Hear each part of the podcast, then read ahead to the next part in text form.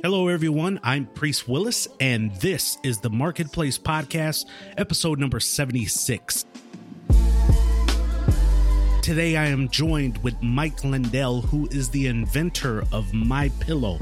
Have you been up late at night or during the day, home from school, playing hooky from work, maybe, and you've seen ads and infomercials with a guy holding onto a pillow and saying why you should buy that pillow because you get better sleep? Yeah, this is this guy. Mike Lindell shares his story of ups and downs, both in his personal life and in business, and what ultimately drove him to deciding to start sewing and creating his own sleep business, if you will. He has a great story to tell. Regardless what kind of business you're creating, whether online or offline, you can get something from this. Without further ado, here is my man, Mike Lindell. Hey, Mike, welcome to the program. Thanks, Priest. It's great to be here. Happy to have you on. I've been really looking forward to talking to you here. You have the consummate business story, the American business story from my perspective in terms of how you started, how you've built up the brand that you have.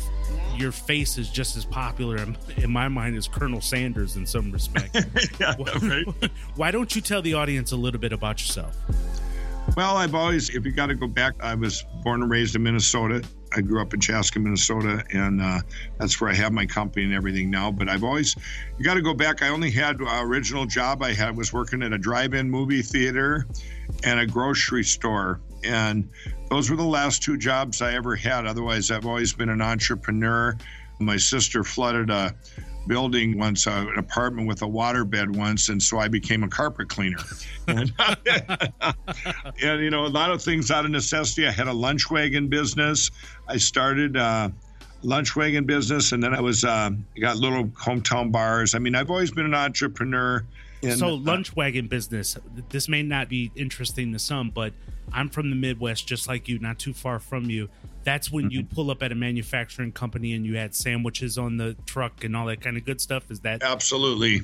And I was actually in a treatment center for um, alcohol in, in the mid 1980s. And uh, I, it was the middle of the night. I went downstairs. I was talking to this guy, and we were we both started talking. I said, "Well, what did you used to do?" And he said, "I ran a lunch wagon business in California." And he told me what it was. And I called up my friend from treatment. And I said, "Pick me up here when I'm done." I said.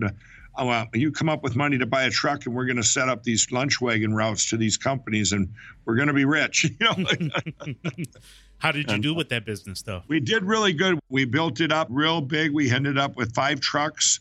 We had uh, routes set up in the western Twin Cities, and uh, we ended up splitting partners. My partner and I split partners, and he got the lunch wagon routes, and I ended up with this restaurant that we had had at the time too. It was very good, and then he ended up getting bought out by the bigger company down the road. So really good story and what's interesting is again i'm from the midwest so i remember piling up with my mom dad my brother in the station wagon going to the drive-in what were you a guy behind the concession stand just yeah, I did that, and then I did the ticket taker too. And the uh, no, I always had a good working drive. And before that, I worked on. Uh, you know, when I was a kid, we'd go down there and work on the farm, the, my uncle's farm, my grandpa's farms, and you know, I wanted to point out. I just thought with those lunch wagons. You know, when we had to build those routes, that was something new to the Twin Cities, and I kept getting turned down. And I would go in, and they go, I, I want to talk to the top guy in the company, and they're going, um, you can't see him, you know. and I just kept coming back in, and finally, I was so persistent, and I, he said, "What? You mean you're going to pull up, and people are going to come out of my company, out to your truck, buy stuff on their break?" And he says, "We already have vending machines," and it was just like a foreign thing then. And I said, "Well, can I just give everybody?" Food for a week free one sandwich and then you see how it works. And I, in my head they would buy other stuff so it wouldn't cost me anything. And and he agreed to do that. It worked out perfect. And by getting him that was the biggest company. So i just built my route around that. And so persistence was a big key back then. That's right. Were you always an entrepreneur, Mike? I mean, it sounds like you were somebody that when you seen an opportunity and you mentioned you had alcohol struggles, but even within that, you came down, you talked to a friend, mentioned the lunch wagon thing, but it just sounds like you're the type of person that when you seen an opportunity, you kind of seize the moment. Is that fair? I, I wasn't afraid to jump in with both feet And yeah, I, I, had all kinds of different stuff, you know, that I had tried back in the day. I was also a professional card counter.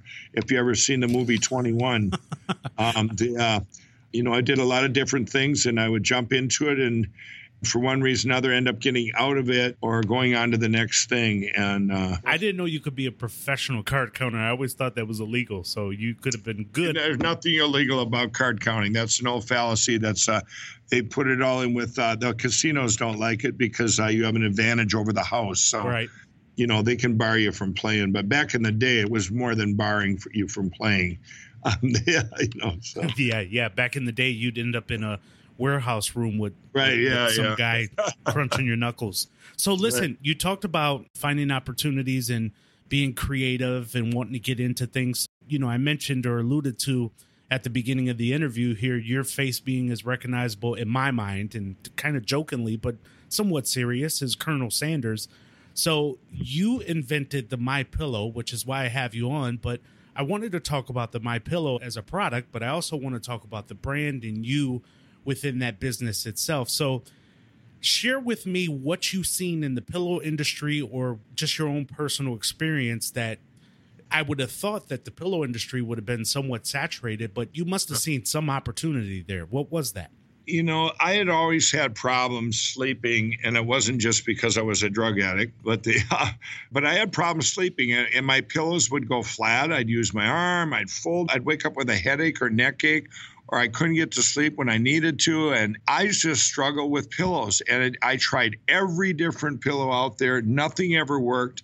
In the early 2000s, I was actually seeing a chiropractor by then. I had some other problems from accidents I'd had earlier in my life and stuff. Mm-hmm. And I said, why don't they make a pillow you could move it? It would hold where you put it. It wouldn't go flat, but yet it'd be soft. And I had all these ideas, and there was nothing out there. So I had sold my last business and I had a little bit of money. And I had four little kids at the time, married, and I decided, you know, I'm going to go out and I'm going to invent this pillow. And I actually had a dream about the name first, the name My Pillow, and I wrote it all over the house, My Pillow everywhere. And my daughter came upstairs. She goes, one of my daughters, she said, "What are you doing?" I said, "I'm going to invent this pillow. It's going to be called My Pillow." Back then, there weren't my. I believe I was one of the first My's. You were before MySpace, is what you were saying. I think MySpace and My Pillow were about about the same time. She sees these written all over the house. She says, that's really random, Dad. And she went back downstairs and, and uh, but then I just uh, I would get these dreams and I this idea I believe I got right from God and it was amazing. I, I'm going, wow, this pillow if I could move it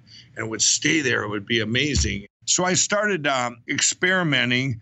You know, I got the pillowcases or zippered shells and uh, went to a box store and bought them and started filling them with different things and trying different things. And then it, it kept going on and on. And, and I was getting close. And then this one worked. I knew what I wanted.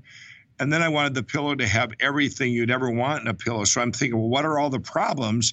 And I reverse engineered what you needed to solve them problems. Well, this went on for like a year. I was tearing stuff on the deck, trying different things, going down, doing due diligence, uh, and my friends were laughing at me. They're going, "He's Mike's going to invent a pillow. He thinks he's going to get a patent on a pillow." And and on the other half would say, "Wow, if you come up with something, here's the problems I have with pillows, and they were the same as mine." So when I finally did get it to where I, I go, wow, this works. I wherever I moved the patent or the fill, it would hold there. But then I wanted it to be able to wash and dry it. I wanted to be able to give it a 10 year warranty. So these ideas I had went back another two months to make it so you could wash and dry it. And there was so much due diligence and so much work but it was exciting because I knew that I was getting close and I knew it was going to solve so many problems. Everybody I talked to had the same problems. And when I finally um, got to that point and it worked, well, then I had to invent the machine that actually makes the cuts because there was nothing that made those sizes. And during the same time, too, I went online myself and I got a, the name My Pillow. I wanted to get a trademark on that. I, I, did a lot of this stuff myself. Nowadays, you can go online, you can learn so much, and you can mm. in doing your own due diligence. And well, when I finally had the pillow, I had it done, and now I was completely broke. I had no money but I did have the pillow, and I walked into a box store. I said, "How many would you like? I have the best pillow ever made. And you move it, it does this and this." And and they literally looked at me and said, "Sir, you need to leave." And, uh, and I go, okay. And, and I was shut out everywhere. And someone said, well, Mike, you, why don't you try a kiosk? And I said, well, what is it? And how do you spell it? and um, so I borrowed money actually from an ex bookie.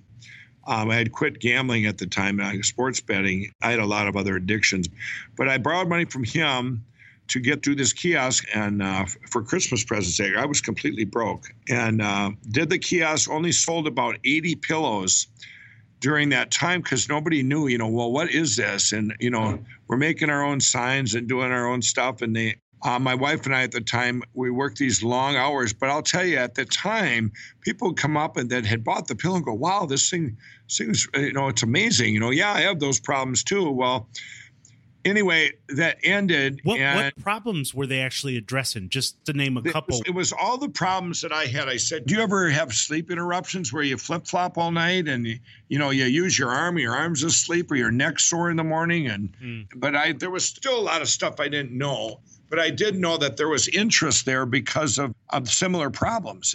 Anyway, that ended and. That's the only time where I'm going, okay, now we have no money I had only given away my card. I, I, didn't have any cards. I gave away a phone number to this one guy. He said, "Do you have a card?" I go, "Yeah, I'm out." I said, "Here, here's my phone number," and uh, I'd given him that number.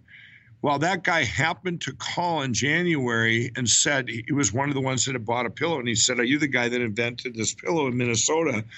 And I said, "Yeah." And he goes, "Well, I bought one of those pillows from you." At the mall, at the kiosk, and he goes, "It changed my life. This is a miracle."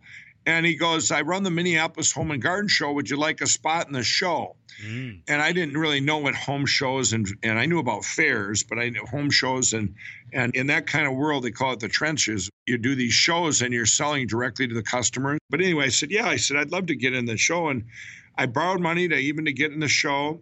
I changed my signage from what I learned from that kiosk of talking to people, I presented the problem solution in my spiel rather than just say, hey, this is a pillow. I presented the problem and showed them how the pillow would be the solution for that problem. Anyway, we sold out.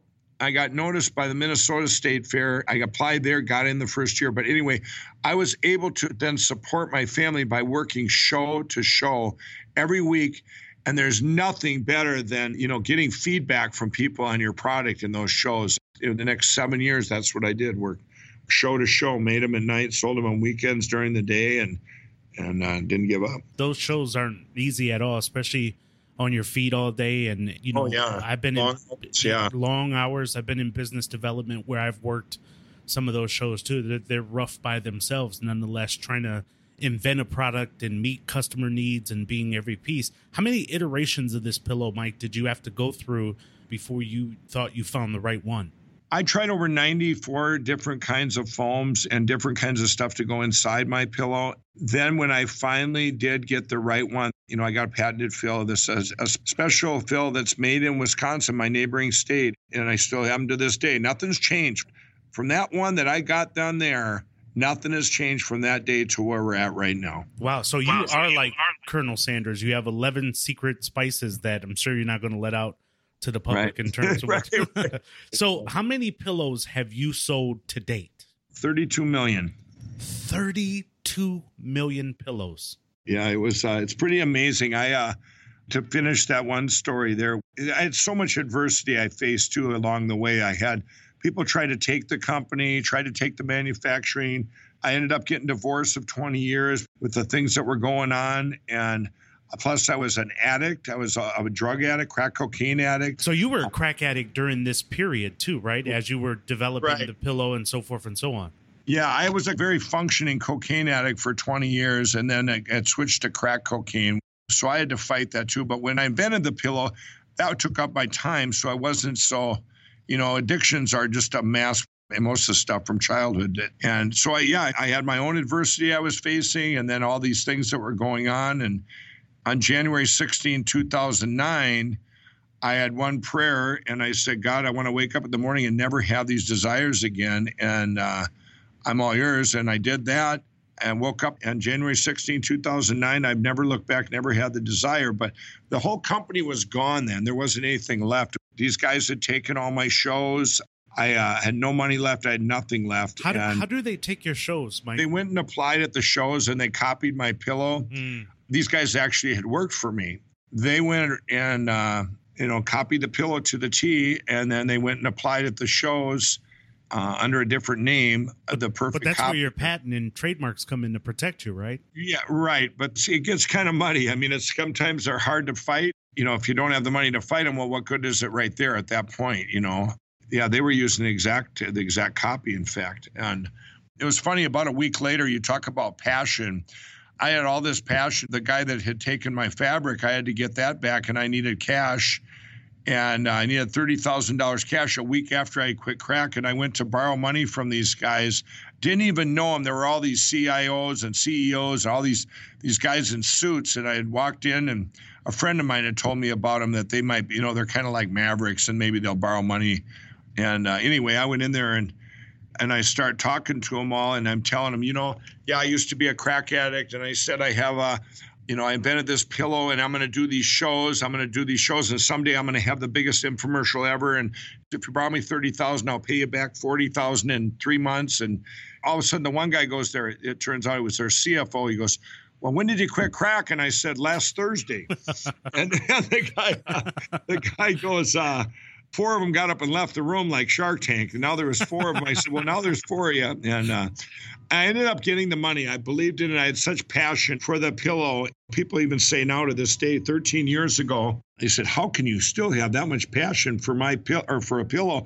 I said, well, because it helps people and it's such a blessing to be able to help so many people and and and because it works. Well, anyway, I decided to do an infomercial in October 7th of 2011 my friends and family, I said, "You guys," I said, "Let's do this infomercial because we had been I've been doing all these shows, and people would come up and they tell me how awesome the pillow was and that it works so great." And I said, "You know what? If nobody will take me, I'm going to bring the pillow to the people."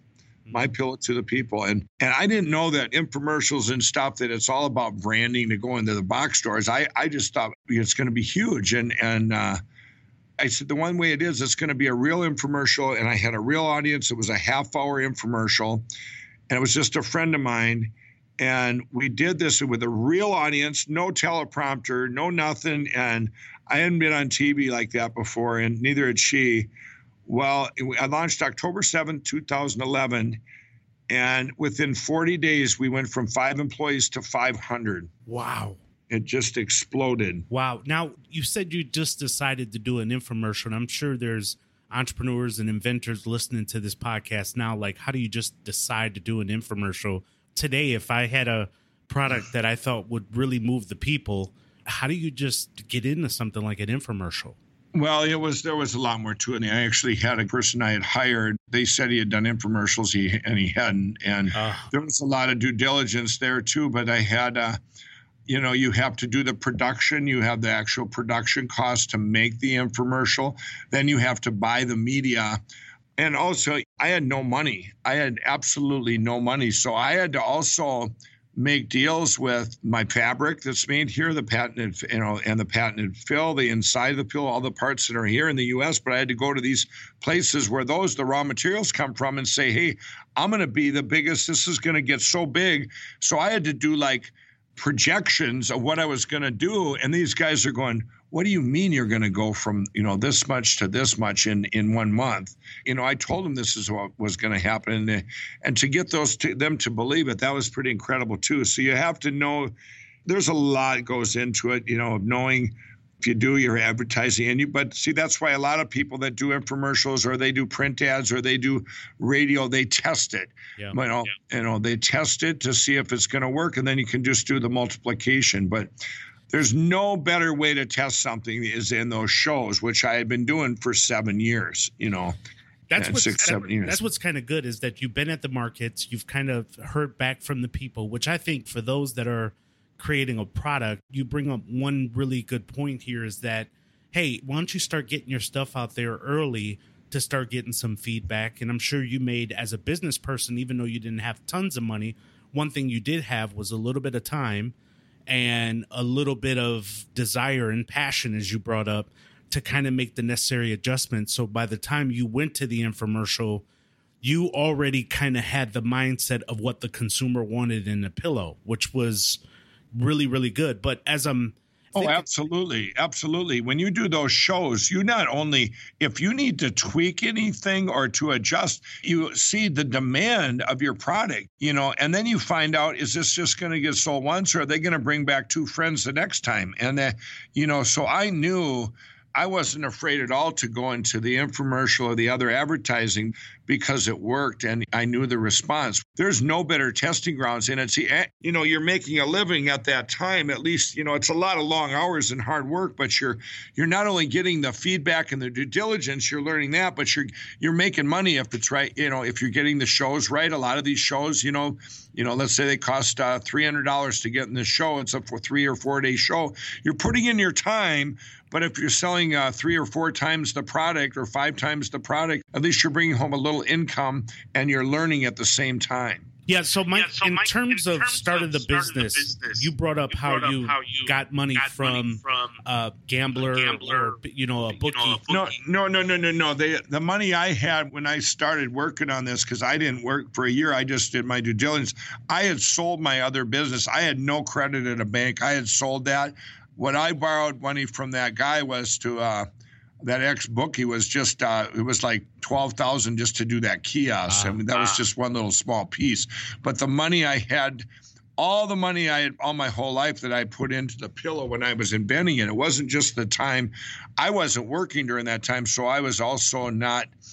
I had four little kids and married at the time, so we're you know we had no income coming in, so I'm burning you know, not working too, burning up money, and I ran out of money very quickly. If you're an entrepreneur out there and you're looking for raising capital, you've got to be very careful with that, and I will say that, you know, that's why they have provisional patents you know they're not that expensive to get a provisional patent uh, or to get a uh, poor man's patent you write everything down and mail it to yourself so at least you have something that it was your idea or whatever. But i can't say enough about getting someone you trust that's been in either if it's service business or if it's been in a or if it's an invention somebody that's been in something like that you can trust and learn from them and just ask them you know so you don't have to waste time doing stuff that are either either mistakes that they made back then, where you can save time uh, and not go down roads that you don't that doesn't uh, that you don't need to. Yeah. Yeah. So, as an entrepreneur, what makes you most happy today? I know it's not money. I mean, you don't strike me as somebody that's moved by money.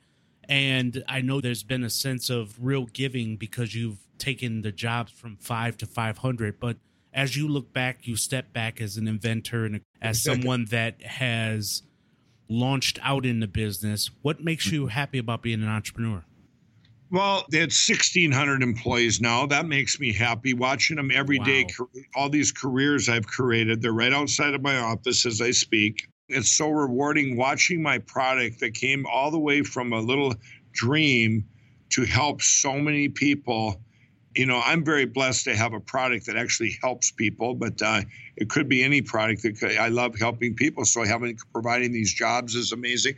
But then to have the money too now to be able to give back. I give to be able to give back because I, I just like helping people and I enjoy that part of it. And it's a challenge that knowing that you did something that you did something yourself.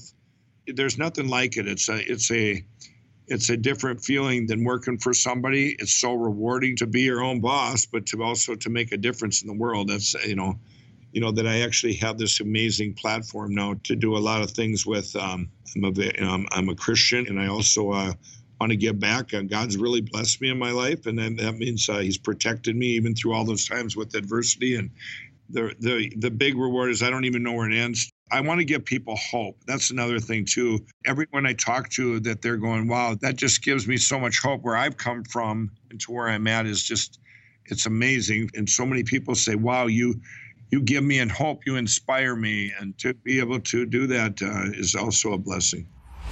We like to thank today's sponsor, TubeBuddy. TubeBuddy is the premier YouTube channel management and video optimization toolkit.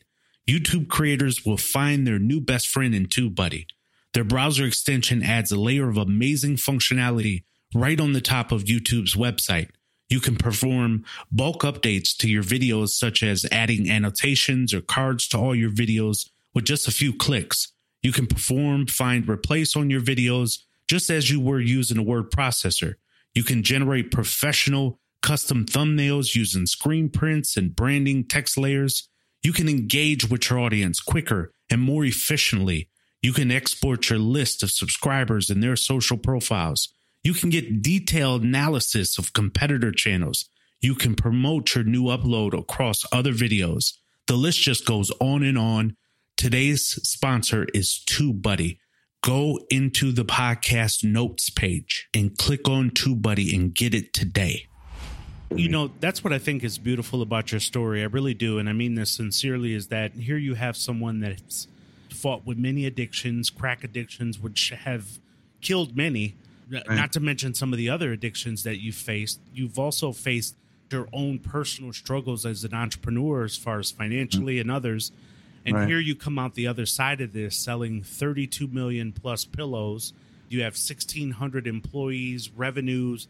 I probably could do the math at some point, but it's you, a lot. yeah, you, you, we're talking about millions of dollars in pillows and so hundreds of millions, hundreds of millions of dollars in pillows and inventory that you have up on your site. I mean, mm-hmm. it is really, really something to be said and hopefully inspirational for others. And I, as entrepreneurs listen to this, I hope they pull from this that being an entrepreneur just isn't about ultimately getting the dollar. You really should want to strive towards obviously making it comfortable for you and your family, but also being able to help other people. And that's kind of what you're doing here. Yeah, absolutely. And uh, you know, here's a, here's about three or four advice I can give entrepreneurs. Please. One is like I said in the beginning here, really when you're starting out, get somebody that's kind of like a mentor, that somebody that has been in something similar where you can learn from them. And the other thing is, um, I don't care if, if it's a if service or an invention. If you view every customer like it's your only customer, that is so important. And then to have passion, you got to do something you enjoy, or you got to do it, or you have to like the product yourself. If you're making it just for I'm going to make this much money off it, whatever, but you got to have some passion behind. It. I think that's so important. Then, when you do get into it, not just your customer viewing as your own, but also your employee, what would you like as put yourself in the employee's shoes? And that's what I did when I had that one job way back when, and the driving in the and the uh, grocery store. There were things I I can still think back that I didn't like then, and I and I make sure that my company that we don't do that. That we have, you know, we're a help center. We help each other, and we have if something's wrong. Of course, with my adversity, you know, if I see something, if I see someone with an addiction, we get them help, and they're welcome back. You know, when they get their help, just to create that atmosphere. But the, to have the passion. And then when you do uh, then let's say you have your product and you're out there in, in different venues and you put it in different places view each one of them like it's your only company. So like with my pillow for myself when you see me on a tv station or you hear see me in a uh, let's say it's a newspaper in some place uh, you know wherever I view that particular paper that that's my only company. I have 90 people out on the road still doing those home shows that I used to do. They all have routes, and I view each one of those shows like like it's my only show. You know, and when you do that, you can't go wrong. If you, you know, now you, it's like having all these amazing pieces put together into one, and then you have that you've created something that's amazing and and help so many people. There's so many entrepreneurs go, okay, they're worried about this bottom line yeah, you need to worry about that. And when you do, you know, your pro forma and your projections and stuff, but eh, there's so many other factors too. Like you've heard the one where, it, might, you know, all my pillow made in the USA here. You know, I, I did a thing, um, actually was at the White House when I did this, where the president brought us in for this Made in America manufacturing summit. And I got to go to that and they talked about making stuff, you know, how good it is to make stuff here. And they talked about overseas. Well, if you make something overseas, and this is real important for an entrepreneur too, mm. you do that, and if you're you have 120 days overseas, that's minimum before you're going to get it. So, and I'm going to tell you, so many of my friends and people I know of that have done this, and they, if your market changes, you know, all of a sudden you now you need less product or more product guess what? It's another 120 days. Or let's say you get it and it's not quality that you needed. You know what? You're done by doing this, all the inventory you have to carry in that, it's not worth it. It really isn't. And then just to save a dollar, I call it tripping over a dollar to pick up a quarter. and, uh, And Have they, you uh, ever considered it, Mike? Going overseas with your business? No, absolutely not. I would never do it in a million years. My company's always going to be made here. We're the ones that are shipping stuff overseas, you know, after we make it, you know. I would never consider it. I, you know, and there's another thing too is when you can be right outside here, you know, I can go down to my factories only four miles away from my corporate here where my call center is. And I go down there. I was just down there a few days ago, and I can see here's my every product that comes off there. If I would not buy that myself or use it myself, I don't want it. I, there's so much control. You know, to lose that control, that quality control, is so is so important to me. And it's just like my call center. I have my own call center. You get someone right outside of my office, or right, you know, right here in the USA on my call center. You know, to me, customer service Mm. to back a product is just as important as the product itself. You know, I go back where you're in time where your handshake is your word. Mm. I put myself in that position where that's my only customer, and they got to be treated right. And you, you start doing that stuff, you're making stuff overseas, and it's it gets really hard. I never even would consider it. Let me ask a question, and this feel free to tell me you don't want to answer this. You offer multiple SKUs. Now I'm on your website. You probably offer hundreds of SKUs, but I can see at least six, seven, eight different categories right now.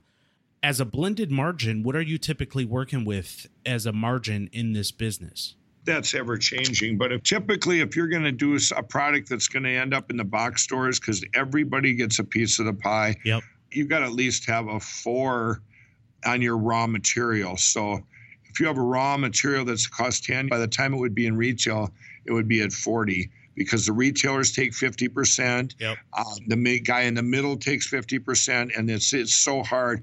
And so you got to work in the numbers. Obviously, when you're at the shows, uh, that's about the same way. I had to learn the hard way when I was a kiosk. I, and when I did that first original kiosk, I was selling the pillows, and I was, you know, it was almost for what I was making them for, and I was actually by with my labor, I was losing money on it, so I didn't know my costs. And it's like when I told you when I got real big in, uh, in 2011, in 2012, I took in tens of millions of dollars, but in six months, I was in the hole four million dollars, Mm. and I had to learn.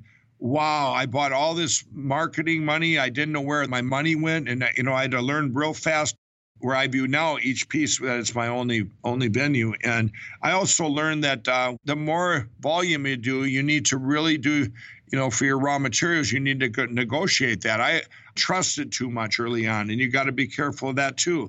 Back in the day, my handshake was my word, but I had some things where I didn't.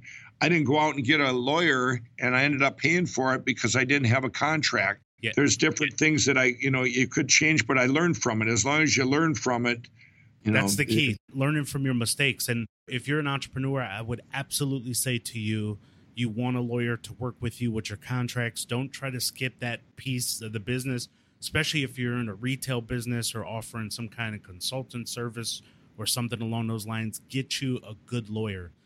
Mike, you've been extremely gracious with your time. And as we wrap up here, I just want to ask you one last question. I want to ask you I did this exercise myself. I looked at a picture of myself when I was much younger, and I look at myself today, and I'm wondering what I would tell myself as a middle aged person now to a much younger person. And I'll ask you the same thing. If you took a picture of you, Mike Lindell, being much younger, 20, 30 years younger, and look at who you are today, what would you tell your younger self about this journey that you went through through addiction through starting a business to ending up in the white house so forth and so on what would you say to yourself Well, that's an interesting question because people always say to me, "Would if you could go back and change anything, would you?" And I said, "I wouldn't change a thing if I'm not where I'm at right now. If I was to go back and tell myself, I like I say, I don't know if I would because I'm happy where I'm at now. I feel so blessed. But if I didn't end up here, then I would go back and say, you know what, you should have went and uh, maybe got." Uh, like I say, lawyers at the time. You should have quit your addictions back then. You know, I mean, there's lots of different things I would have told my younger self and said, you know, but for now, where I know where I'm at, I don't know what I would tell myself because I would be afraid it would change where I'm at. Mm.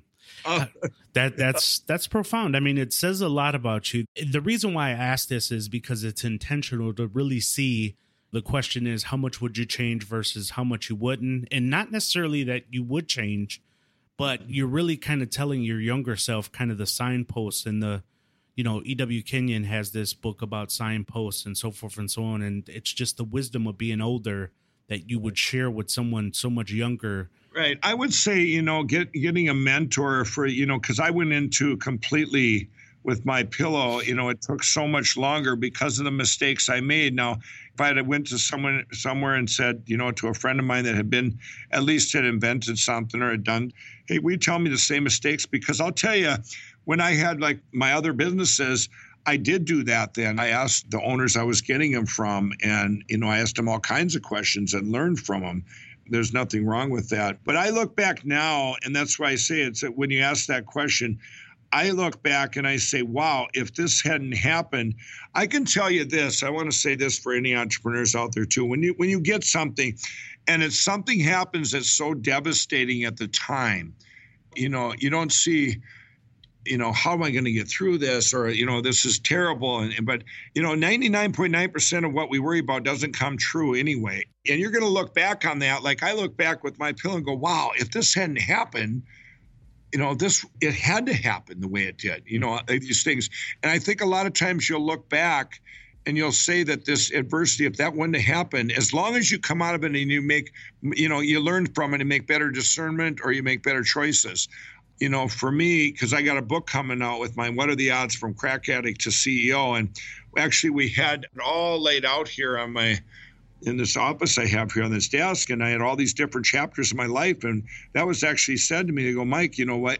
You know, why didn't you change back here? You know, for the, when you were talking the addiction piece and stuff. Well, at the time, it's hard to see when you're inside the, when you're there at the time to look back. And maybe I would have said to my younger self, you know, you know, there's so much more to life than that. And as far as, um, you know, advice on the different business I was in, each one would have been separately, but they, I would have said, you know what, you're, you're making a big mistake here, but, you know, and uh, a lot of it was, uh, you know, like I say, was uh, that mentor, or if you're getting it from another person, a business, ask them every the knowledge is is king there, and ask them, especially because things change too in the you know, the, what what was advice 20 years ago might not be the same advice you're getting in real time now. You know, true. Well, Mike, you've been extremely gracious. Look, how can people, if they want to buy your product, how can they find you out there? How can they follow you? Feel free to share the URL site. Feel free to share anything you want. How can they reach out, test out your product? Feel free to go you could use my promo code Mike and uh, on my website mypillow.com, and that'll save you. That's the biggest savings, up to fifty percent off on most of the stuff and most of the items. And the every one of my products I've been developed myself or invented, and it, and they all have to do one thing, and that's help people. That's the best way to go direct through us. We do, you know, obviously there's pillows in the retail and all, the retail stores, but for I have so many other products now that help people with their sleep and with their well-being and and uh, and uh, just know that my all my 1,600 employees, we uh, we thank everyone out there for just being able to help you and help uh, helps us to keep stuff made here. Mike, thank you so much. It was a pleasure having you on. Thank you, priest. God bless. God bless you. Thanks for listening. The next episode of the Marketplace Podcast drops on Sunday. Drops every Sunday. If you like what we're doing, leave us a rating, a review, and subscribe to us on Apple Podcasts. It's a great way to help others find out about the show. I got love for you, and I know you have it for me. Help me raise the bar even higher. For more information about the show, follow me on Twitter at the handle P. Willis Sr. Until next Sunday, keep dreaming, keep pushing, and I'll do the same, and I'll talk to you soon.